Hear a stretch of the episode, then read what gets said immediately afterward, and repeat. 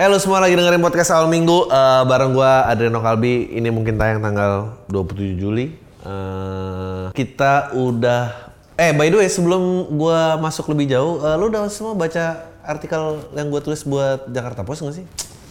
Lo harus baca eh, karena em, eh itu point of view gua jarang sih mau nge-share stance political gue. Tapi eh, ya gue hanya mau berbicara dari sisi yang kira-kira gue itu eh, expertise dalam hal itu. Em, pembicaraannya itu ya relevan dengan situasi saat ini di mana orang-orang eh, pembela keadilan padahal sebetulnya tersinggung itu menjadi orang-orang yang eh, menekan kebebasan berbicara itu sendiri dan eh, mestinya kita harus bersikap seperti apa sebagai manusia. Eh, dan ya, gue ngomongin sedikit tentang siklus Polybius. eh, ya no wonder lah ya gue nggak viral-viral. Maksudnya siapa yang mau siapa yang viral ngomongin siklus Polybius? Semua juga pasti baru tahu eh siklus Polybius apa gitu. Ah itulah problemnya gitu Kebe- kebenaran itu eh, beda memang sama demokrasi gitu. Gue udah kayak eh, video pamitnya Skin Indonesian ya. Kalau kalau ngincer uang emang pasti gitu nanti kontennya. Tapi kalau ngincer kebenaran ini ya mau dakwah apa mau bikin konten YouTube sih?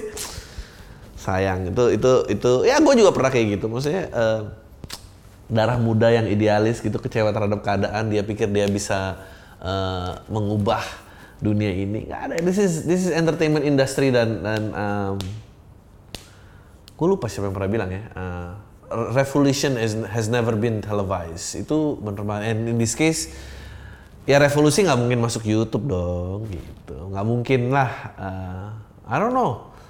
Sem- semua tuh ka- kalau mau ngebongkar skandal dan segala macam nggak mungkin viral dari YouTube kan. That's itu kayaknya sesuatu yang apa ya istilahnya? Hanya di awang-awang aja deh kayaknya nggak akan nggak akan nggak akan pernah bisa gitu. Do you think well ada sih. Revolusi I think kalau nggak salah pergantian presiden di Mesir juga di eh, itu di backup oleh eh, maksudnya suara masyarakatnya terkumpul lewat Facebook gitu. Tapi kan bisa aja ternyata presiden penggantinya merupakan titipan Amerika. Aja makin you know gue tuh gue tuh lagi sedih banget ya. Dan gue nggak tahu gimana mengutarakan ini karena gue satu gue nggak pengen mendapat masalah seperti eh, celotehan seseorang komedian tentang kekesalannya terhadap vonis di mana vonis terhadap mantan ketua apa hanya kayak ketua KPK deh kalau nggak salah. Eh, dijatuhi satu tahun gitu. Em, I don't know. Kayak gue tuh gue tuh penasaran can we have a stat gitu statistik di mana em, eh, hukum hukum dan kepolisian masa kita nggak bisa dapat statistiknya sih maksudnya efektif nggak sih dalam menegakkan kebenaran dari berapa kasus berapa yang sesuai dengan hukuman yang pantas untuk dijatuhi sama yang yang yang ngawur-ngawur gitu. Maksudnya ini, ini kita bisa nge-review gitu.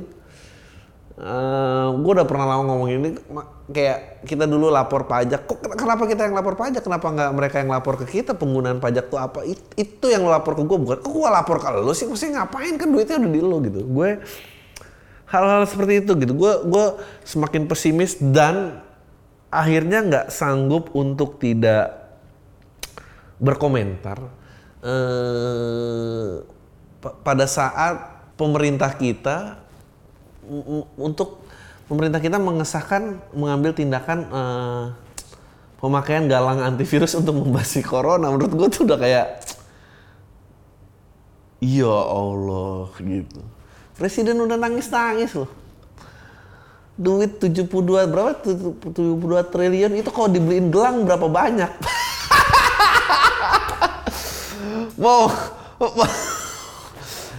mungkin mungkin mungkin ya uh, kalau berapa 72 triliun kalau nggak salah 72 triliun baru dikeluarin berapa? Itu kalau dibeliin gelang satu warga dapat berapa itu? Berapa gelang? Itu bisa kalau satu gelang bertahan dua hari ya mungkin dia bisa kan dipakai lama gue tuh gue da,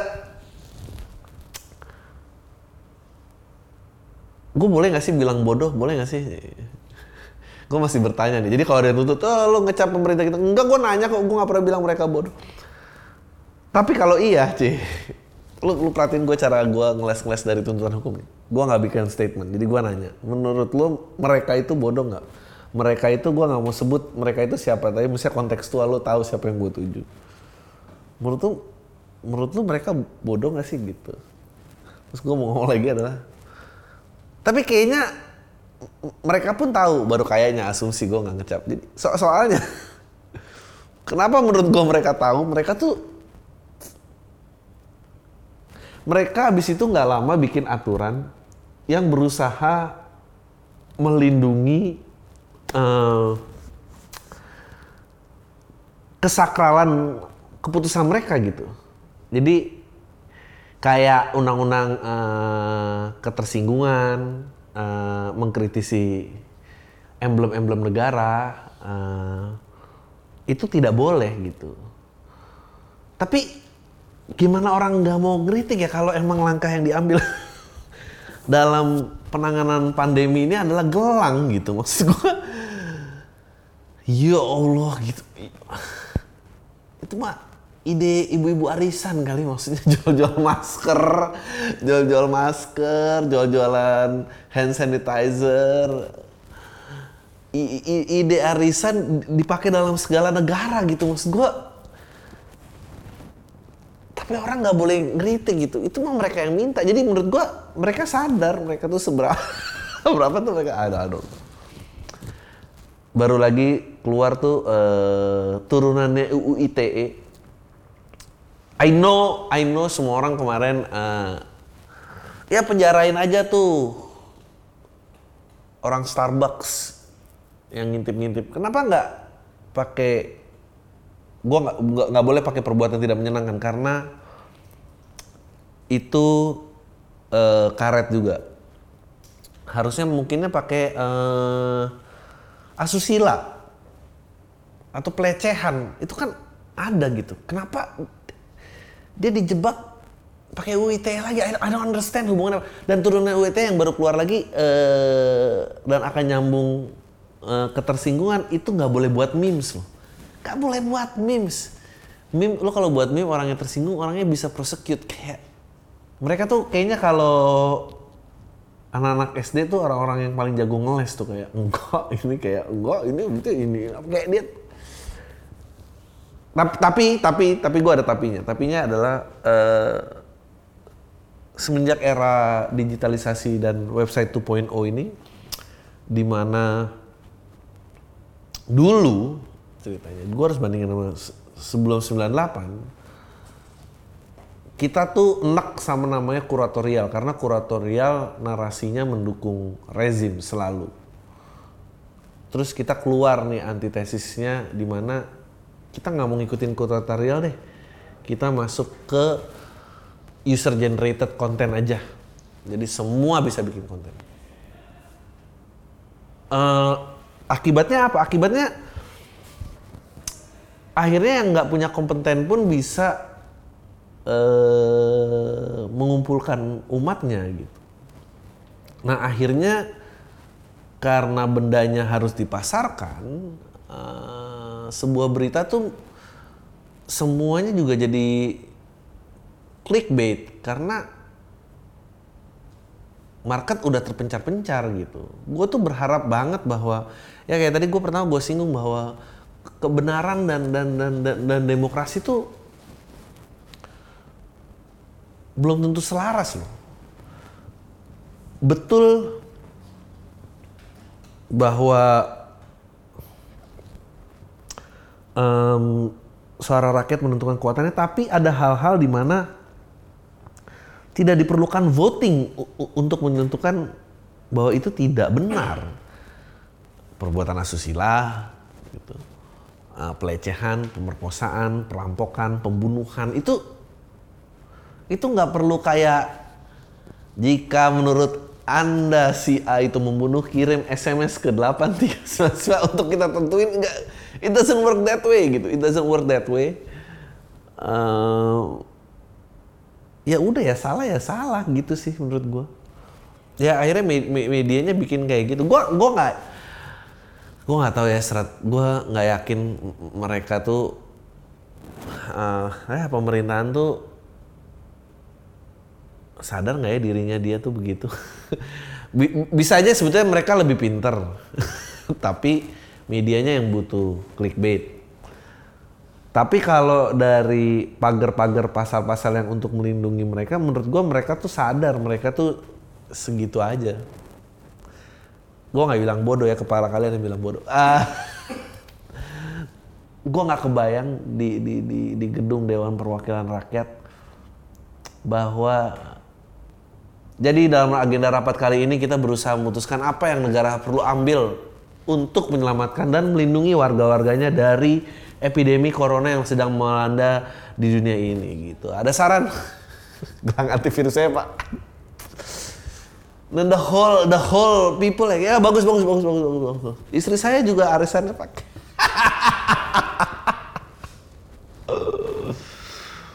gue tuh kebayang kayak ibu-ibu pulang arisan gitu baru uh, keracunan ikut MLM bagi-bagi gelang.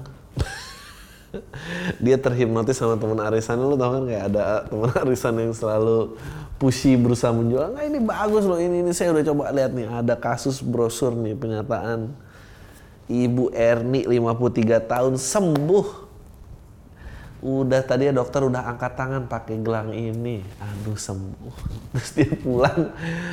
Suami saya nih pusing kemarin ditanya sama kantor idenya apa? Kasih ini aja. Terus dia bawa ke kantor aja kata istri saya pak ini ada testimoni dari Bu Erni. Men lu lu baru sadar betapa like negara tuh uh, berfungsi apa enggak pada saat pandemi seperti ini? Karena anjing bener-bener kayak I, I, I don't know ngapain sih gitu? Gue kalau jadi presiden gue kemarin nggak nangis. Gue kalau gue kalau jadi presiden gue bilang I quit. Terserah deh lu urusin deh mana. The fact that dia masih bertahan dan nangis nangis ya gue rasa titipannya banyak. Jadi mau mundur juga nggak bisa uh, anu mestinya kan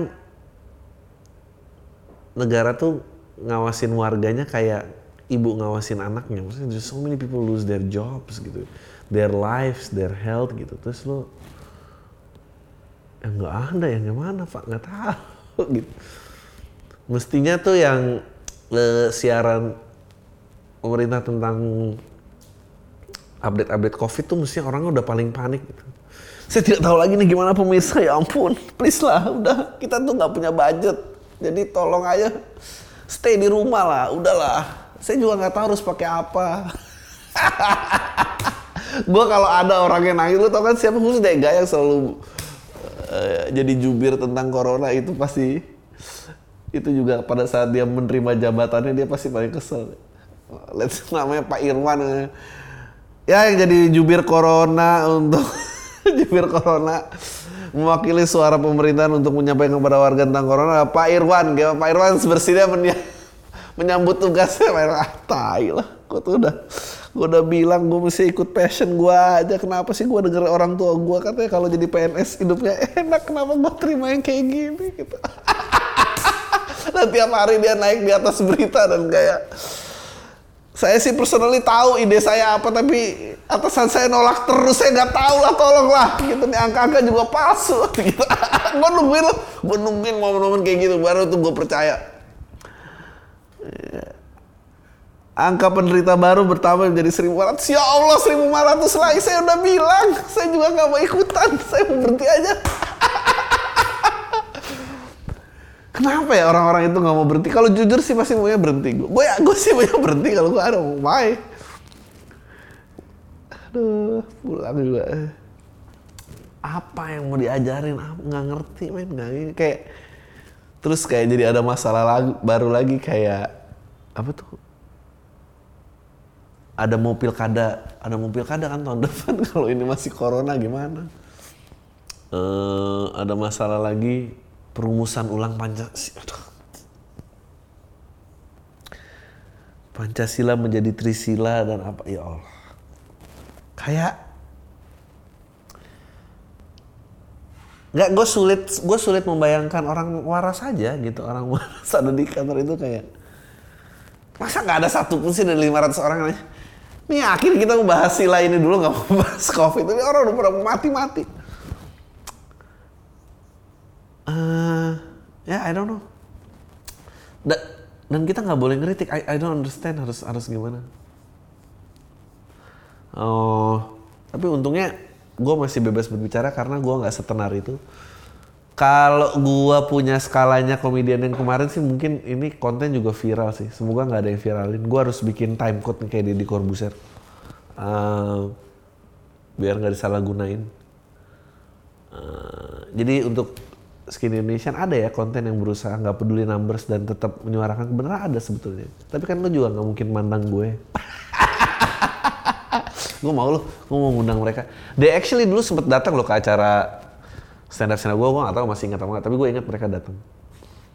Tapi mereka udah terlalu besar, mereka mencari kebenaran sendiri biarin aja. Apalagi yang ganggu gue tuh ya? Uh, iya sih kayak terjun bebas aja kayak kenapa nggak mereka jujur aja kalau emang uh, eh, gue lama-lama sampai di titik di mana kayak mesti itu kita sistem sama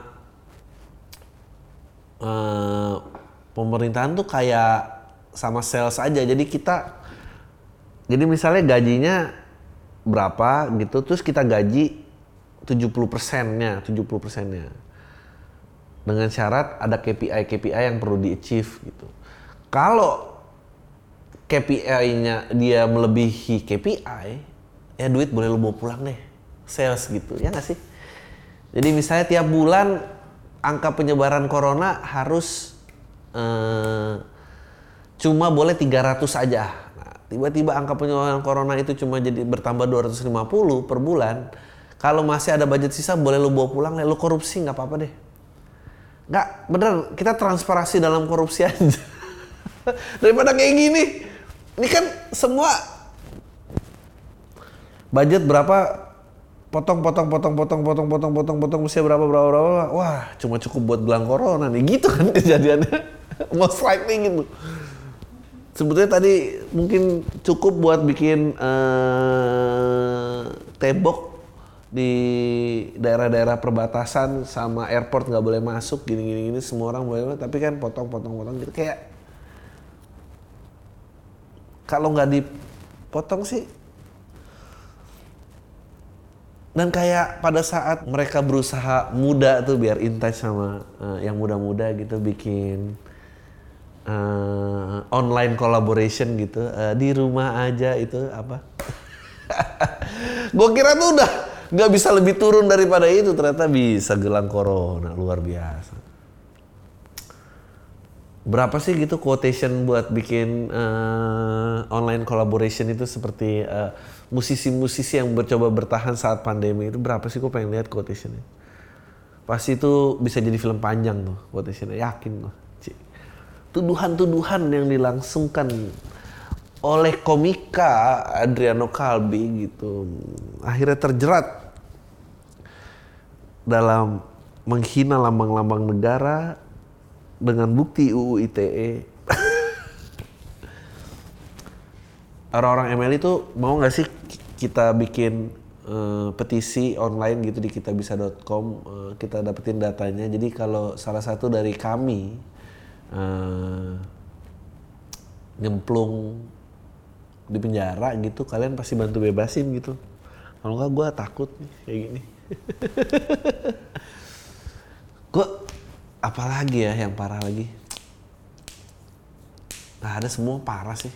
Nggak stat stats if it ini ini kalau kalau kalau pemain basket gitu ya ini harga yang dibayar untuk gajinya dia sama performa dia yang dikontribusikan itu udah nggak imbang. Nih pasti udah di review ini udah di trade nih mesti gimana caranya biar bisa nge-trade gitu? Ya bisa sih ya gue waktu gue salah satu orang yang gue kemarin baru nonton juga tuh di um, apa namanya eh podcastnya Deddy Corbuzier. Setelah Ahmad Dhani gue tuh nggak pernah setuju Ahmad Dhani waktu itu di penjara. Karena dia dijerat eh dengan pasal eh penyebar kebencian. Itu juga kasar itu penyebar kebencian gimana men? Yang lucu adalah dia bilang uh, waktu itu kan kita karena udah sebel sama Ahmad Dhani aja kita kan gitu kan. Kalau beda pendapat padahal orang itu nggak salah. Kalau beda pendapat ya pengennya jorokin aja mau apa pun mau pakai meskipun kita kalau lagi sadar kita nggak suka sama UU ITE, kita nggak suka uh, ketersinggungan, kita nggak suka itu semua, tapi giliran ada orang yang benci, ya kita benci, terus kita beda pendapat, ya udah jerat pakai pasal itu nggak apa-apa deh gitu.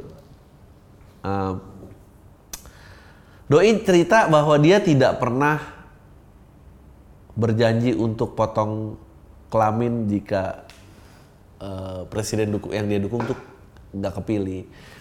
Nah waktu itu karena udah viral, jadi ada dia kan Ahmad Dhani Pras kalau nggak salah dan I-nya itu pakai I kapital. Nah, ada akun uh, Ahmad Dhani Pras itu I-nya L kecil, jadi disangka itu akunnya dia dan udah dia cerita 8 media udah minta maaf sama dia tapi itu nggak pernah ke blow up. Yang lucu adalah nah dia bagus banget stance makanya free speech itu is a banget sih. Dia bilang tuntutannya dia di persidangan itu adalah tweet uh, apa penyebaran kebencian terhadap kaum Nasrani dan Tionghoa. Bukti tweetnya adalah dia nulis bagi barang siapa yang mendukung penista agama itu merupakan bajingan dan wajahnya waj boleh diludahi. Uh, something like that lah. Dan dia bilang bahwa kenapa tweet itu menjadi sebaran kebencian terhadap kaum Tionghoa, eh, Nasrani dan Tionghoa. Terus uh, Dedi nanya, ya mungkin karena waktu itu lagi ramai kasus Ahok. Ya kalau gua ngarahnya buat Ahok, gua tulis pasti uh, penista agama Islam dong. Itu kan itu kan ucapan netral yang gue ucapkan. Dan dia bilang kayak, kalau emang gue mau ngarahin ke Ahok ya gue tulisnya penista agama Islam dong. Gue bilang agama, gue kalau ada ag- orang yang menghina agama Nasrani juga gue orang paling depan yang bakal bela dan dan ya nggak tahu ya. Menurut menurut gue, gue nggak bilang orang boleh uh, exit dari kejahatan yang telah dia lakukan. Menurut gue orang yang melakukan, terbukti melakukan kejahatan harus dihukum. Tapi kalau menangkap barista itu dengan UU ITE itu bahaya sih. Itu semakin sering eh, pasal itu berhasil menjerat, itu pasal itu semakin sulit diruntuhkan. And itu kembali lagi gitu kayak ya nggak tahu lah. Menurut gua kepintaran tuh ada batasnya tapi kalau kegoblokan tuh nggak ada sih. Jadi abis kolaborasi yang nyanyi itu uh, abis ada abis ini ada uh, gelang corona gue yakin akan ada lagi terobosan-terobosan yang bikin kita kayak anjir nih orang-orang yang ngepet. Udah uh, gue pengen bacain pertanyaan. Uh, bagi yang tertarik bikin hanya uh, ngirim pertanyaan kirim ke email podcast at gmail.com please Uh, berhentilah bertanya uh, gue harus milih jurusan apa? Gue pengennya A tapi gue nggak didukung orang tua gue please stop. Stop. Masalah tuh lebih banyak daripada itu. Kalau cuma masalah kejar passion passion itu dong kayak Allah ya udahlah. Apa sih? Oke. Okay.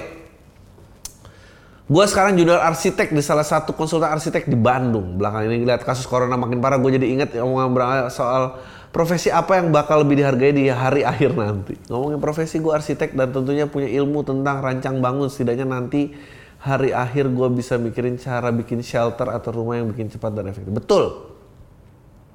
Gue mikir selain scientist, engineer yang bakal berharga banget, gue rasa ada petani, betul. Uh, uang nggak dihargai betul. Uh, dalam rangka krisis corona, gue sampai udah mikir terima. Bokap gue udah punya beberapa tanah di kampung halaman. Uh, ada yang sawah, ada yang kebun. Iya, mulai aja gali ke bawah, kita pasang tutup atas. gali ke bawah ya, gali ke bawah, tanemin atas pohon pisang, gantungin solar panel sedikit. Cari itu radio perangkat radio amatir kayak masih banyak tuh di Tokped. Beli itu. Mulailah siaran. Kita balik lagi podcast kayak gini tapi kita uh, memanfaatkan gelombang di udara jangan cuma ini. Iya benar-benar Terus semakin parah. Sukses buat Adri. Lalalala. Tiket Naked Comedy Bandung. Wah gila dia udah beli tiket. Oh ya. Uh, ada Naked Comedy Bandung tanggal... Oh ini 30 Agustus 29 di Jakarta, 30 di Agustus. Eh 30 di Agustus, 30 Agustus di Bandung. Uh, tapi nggak tahu ya bakal terlaksana apa enggak. Kayaknya nggak terlaksana sih. Uh, Bang Adri corona corona ternyata bikin event juga. Eh orang diizinin kalau nggak diizinin kita nggak akan bikin. Makanya feeling gue kemarin bioskop mau dibuka tapi nggak jadi. Ya ini paling juga nggak jadi sih feeling gue. Gue pendengar lo udah lama dan ini email pertama gue. Gue pengen cerita dan dengar pendapat lo. Gue cowok dan umur gue 18 tahun. Gue sekolah swasta yang sama dari TK sampai kelas 3 SMK gue dulu punya sahabat deket banget SMP walaupun dia adik kelas gue kita udah kenal dari SD tapi baru deket waktu SMP gue sahabatan sama dia. Dan gue sadar gue juga suka sama dia sebagai seorang wanita. Iya dong. Why kenapa harus gue sahabatan sama dia dan sampai sekarang gue sadar gue suka sama dia sebagai seorang wanita. Dia lelaki tapi lo melihat kewanitaan di dalamnya apa emang dia wanita? Uh, gue juga nggak tahu kenapa gue suka sama dia padahal gue sama dia ada dua orang yang sangat bertolak belakang. Uh, dia itu priang dan banyak teman sedangkan gue malas banget buat berteman dan berinteraksi. Uh, ya, yang satu dari gue karena gue merasa dia satu frekuensi sama gue, ada gue bisa bahas apa pun nyambung. Singkat cerita gue lulus SMP dan memutuskan untuk memacarin dia, fuck up lah persahabatan, fuck lah persahabatan. Oh, pikir gue waktu itu karena gue udah nggak peduli kalau persahabatan kita itu gue mau ngomong langsung ke dia kalau gue ada hubungan lebih sama dia. Dia bilang kalau pacaran jangan dulu. Tapi dia minta persahabatan kita jangan sampai rusak. SMP.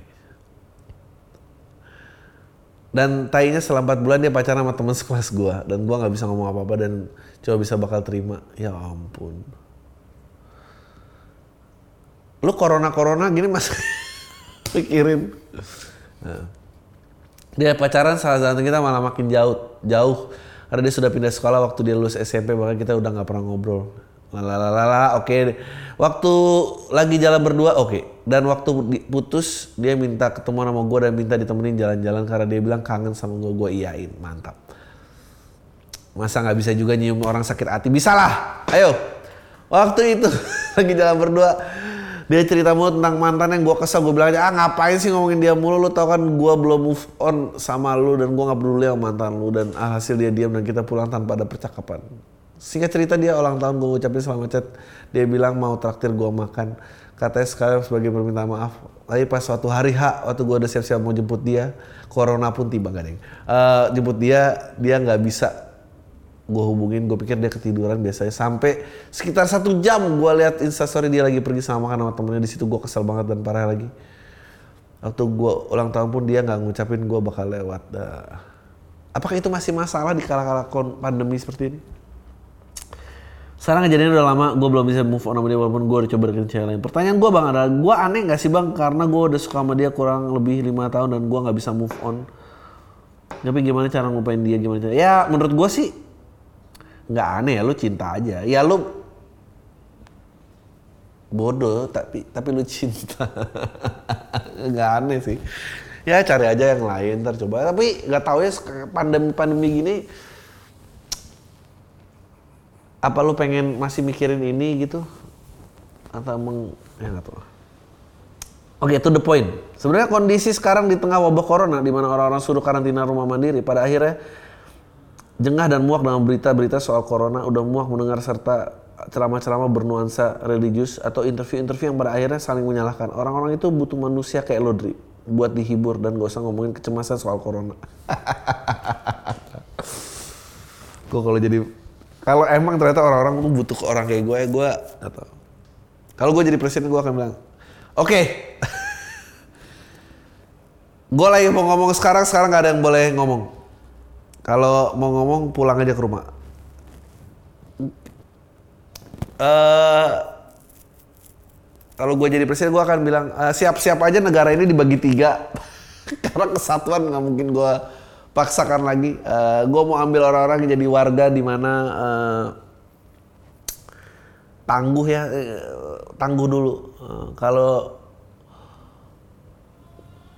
kalau dia lari 100 meter aja satu menit, nggak usah jadi warga gue karena gimana badannya bisa tahan menanggapi corona. Gue gue itu dulu gue. bisa lari dulu semua. Ntar gue minta satu pulau aja lah di mana kayak bagi tiga aja lah, percuma negara ini terlalu besar untuk dihandle sendirian. Uh, abis itu karena udah kepilih bibit-bibit manusia yang kuat, uh, eh, gue pengennya semua dipaksa bertani, akses internet diputus. Uh, kita coba survive dulu enam bulan dari makanan tanah sendiri bisa nggak? Kalau bisa kayaknya kita bisa nih jadi negara. Ini nggak orang-orang nggak butuh kayak gue men jangan. Uh, kuatkan jiwa serta perasaan mereka dengan jok-jok komedi lu. Asya Allah. Sekarang bukan bantuan komika dari siapa lagi buat minimalisir mental illness lagi mantap. Gue bingung sih sebetulnya sama orang-orang yang menemukan kebijaksanaan dalam komedi gue. Gue pengen cerita sedikit tentang keresahan gue sehari-hari gue mahasiswa semester 4 dan gue masih punya kedua orang tua di rumah. Di masa social distancing, kayak sekarang gue bener-bener bingung. Harus cari pelarian ke mana karena sekarang gue udah 21 hari di rumah gue udah rasa bahwa anjing ini masih 21 hari masih awal-awal. Uh, ortu gue adalah faktor keresahan utama di hidup gue. Betul, uh, sebetulnya nggak ada corona juga kita nggak gitu suka sama orang tua sendiri tapi Tapi setelah corona orang jadi sadar kayak kayak emang ngepet orang tua gitu. Um, beberapa nggak pernah nanya kenangan gue nggak pernah ada kenangan baik saat mereka saat sama mereka. Ya allah gue jadiin pelampi gue juga selalu jadiin pelampiasan mereka yang nyuruh gue hal aneh-aneh supaya bisa ngomel aja. Berapa list perintah aneh ortu? Satu lagi nongkrong disuruh pulang cuma buat nyalain lampu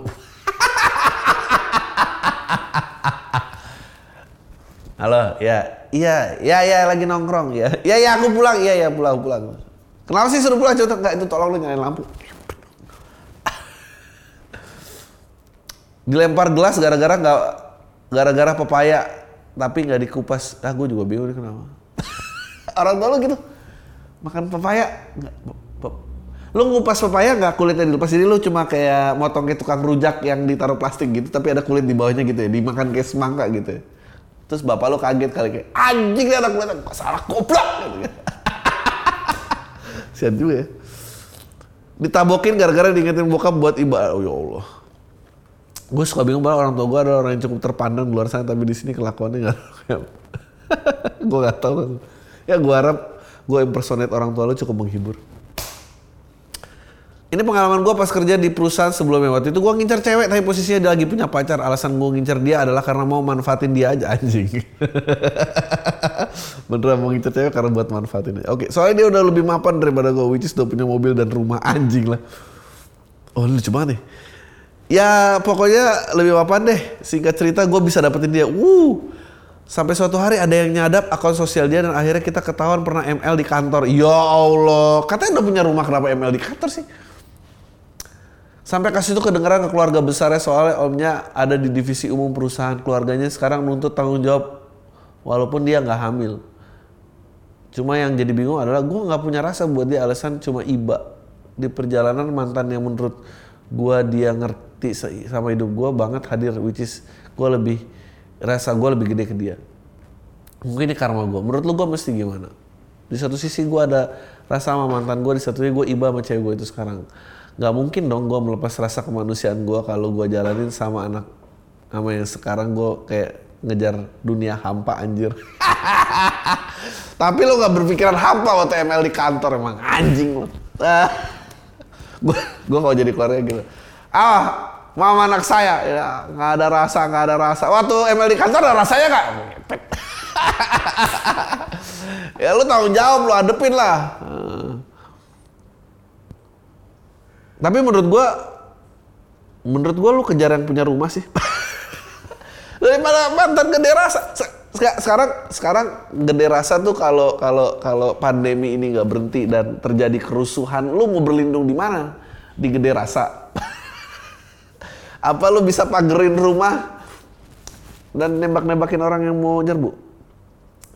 Oke. Okay. Gue mau cerita gue, gue punya pacar dan sekarang udah berjalan setahun. Gue sama pacar gue dulu sebelum jadian pernah deket, tapi gue malah milih jadian sama orang lain suatu saat itu dia terpukul banget karena kata dia dia berharap banget sama gue. Gue pernah gue jalan sama mantan yang itu sekitar 2 tahun, tapi endingnya gue minta putus. Walaupun dia nolak, tapi gue tetap keh untuk putus. Setelah gue putus sama mantan gue ini entah ada angin apa, tiba-tiba si pacar gue ini yang saat itu belum jadi pacar, dia datang ke kehidupan gue dan kita deket lagi dan nggak tahu sejak kapan tapi dia deklarasi bahwa gue sama dia pacaran. Pertama kali dengar dia ngomong begitu jujur gue kaget. Tapi gue nggak mau nyakitin perasaan dia untuk kedua kali ya akhirnya kayak pacaran. Ya cowok tuh emang problemnya jujur ya kayak menurut kamu kalau aku sama mantan kamu cantikan mana? Eh cantik kamu lah. Gue gue belum gue pengen denger testimoni orang yang berani bilang cantikan mantannya itu nggak harmonis pasti hubungannya abis itu jadi bohong aja udah. Mau gimana? Berarti kan lo posisinya kayak, iya dia pacaran lagi sama gua. Kita pacaran kan? Pacaran. Ya iya pacaran kali. uh, setelah bersama banyak rintangannya tapi entah kenapa gue masih gak yakin sama dia emang anjing gue gak tahu dia ini beneran sayang atau emang cuma balas dendam ke gue ini yang ML di kantor apa bukan sih ditambah lagi mantan gue masih sering ganggu ngotak-ngotakin gue melalui sosmed apa pun. Misalnya gue merasa gue masih terganggu dengan mantan gue ini. Menurut lo apa yang harus gue lakuin? Gue harus percaya yang mana? Harus gue ikuti hati atau ikuti logika? Gue bingung. Gue sayang sama pacar gue, tapi bayangan gue mantan ini masih mengganggu banget buat gue. takut banget. Dia tahu soal ini. Tekan perasaan lo. Laki tuh nggak boleh punya perasaan tekan aja. Meskipun setiap ciuman rasanya lama. Kalau emang bohong yang dibutuhkan untuk tidak menyakiti perasaan orang maka bohonglah. Yang nggak ada lah putuslah goblok. Uh, sekarang lagi kuliah di PTN uh, eh, sekarang lagi rame virus-virus tapi gue tetap di sini nggak mau balik ke Jakarta. Uh, simpel aja lah awal virus-virus ini merebak gue sempat pulang ke rumah tapi pas di rumah dibangunin sholat subuh berjamaah. Mana tiap sholat lima waktu gue suruh jamaah ke masjid. Di saat-saat corona Andri mentawakan anjuran orang sholat berjamaah, penistaan agama. Eh, gue lagi di kelas online terus gue sholat di suatu ya udah gue nggak betah gue cabut aja balik ke kos bilang keluarga gue di sini nggak kondusif belajar online. Wow pakai baju kaos podcast awal minggu men. Thank you ya. Udah kan cerita itu aja pakai bahasa Inggris ya. Do you have any tips how to make life a bit easier? Wah ini pertanyaan filosofis sekali. It seems that some people make time for their grief. Funny how mine just follows me around. Um, I don't know. I don't know.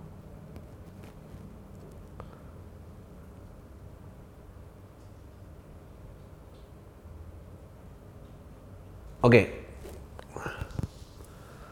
Uh, ini terakhir ya. Hampir tiga tahun yang lalu gue kirim email ke PAM. Lu bilang... Apa sih ini?